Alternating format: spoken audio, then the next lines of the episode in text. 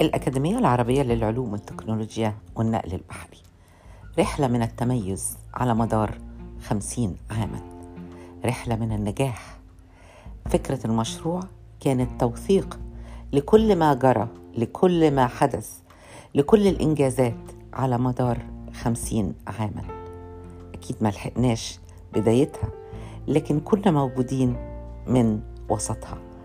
شاركنا في بنائها شاركنا في نجاحها بشغلنا بعلمنا بحبنا بإيماننا إن العمل الصحيح والعمل الباقي هو التعليم هو التعلم هو العطاء هو التدريب هو الاستشارات هو التواجد مع طلابنا من مصر ومن العالم العربي ومن أفريقيا وفي بعض الطلاب من البلدان العربية.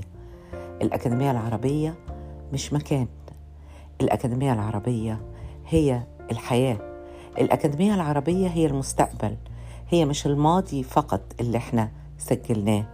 بداية من آه ميامي أبو قير آه شيراتون أو مصر الجديدة الدقي القرية الذكية. وأكيد في في اللاذقية وفي في العالمين وفي في أسوان وفي أيضا النهاردة في الشارقة الأكاديمية العربية دنيا. بتحوي مباني بتحوي أساتذة بتحوي طلاب عاملين بتحوي أولياء أمور. بيوت كتير في مصر بتبص على الأكاديمية وتقول إمتى ولادنا يكونوا جزء منها. اللي قدمناه في هذا المشروع مشروع التخرج لطلبة كلية اللغة والإعلام بالأكاديمية العربية مصر الجديدة القاهرة هو محاولة من مجموعة واعدة من الطلاب بإشراف حقيقي وجاد للأستاذة الدكتورة مي الفلكي وكيله الكلية للطلاب ومساعدة حقيقية في المونتاج وفي آه كل التقنيات الفنية من المهندس شريف اللبان والشاب الواعد خريج الأكاديمية وخريج الكلية نور النجار.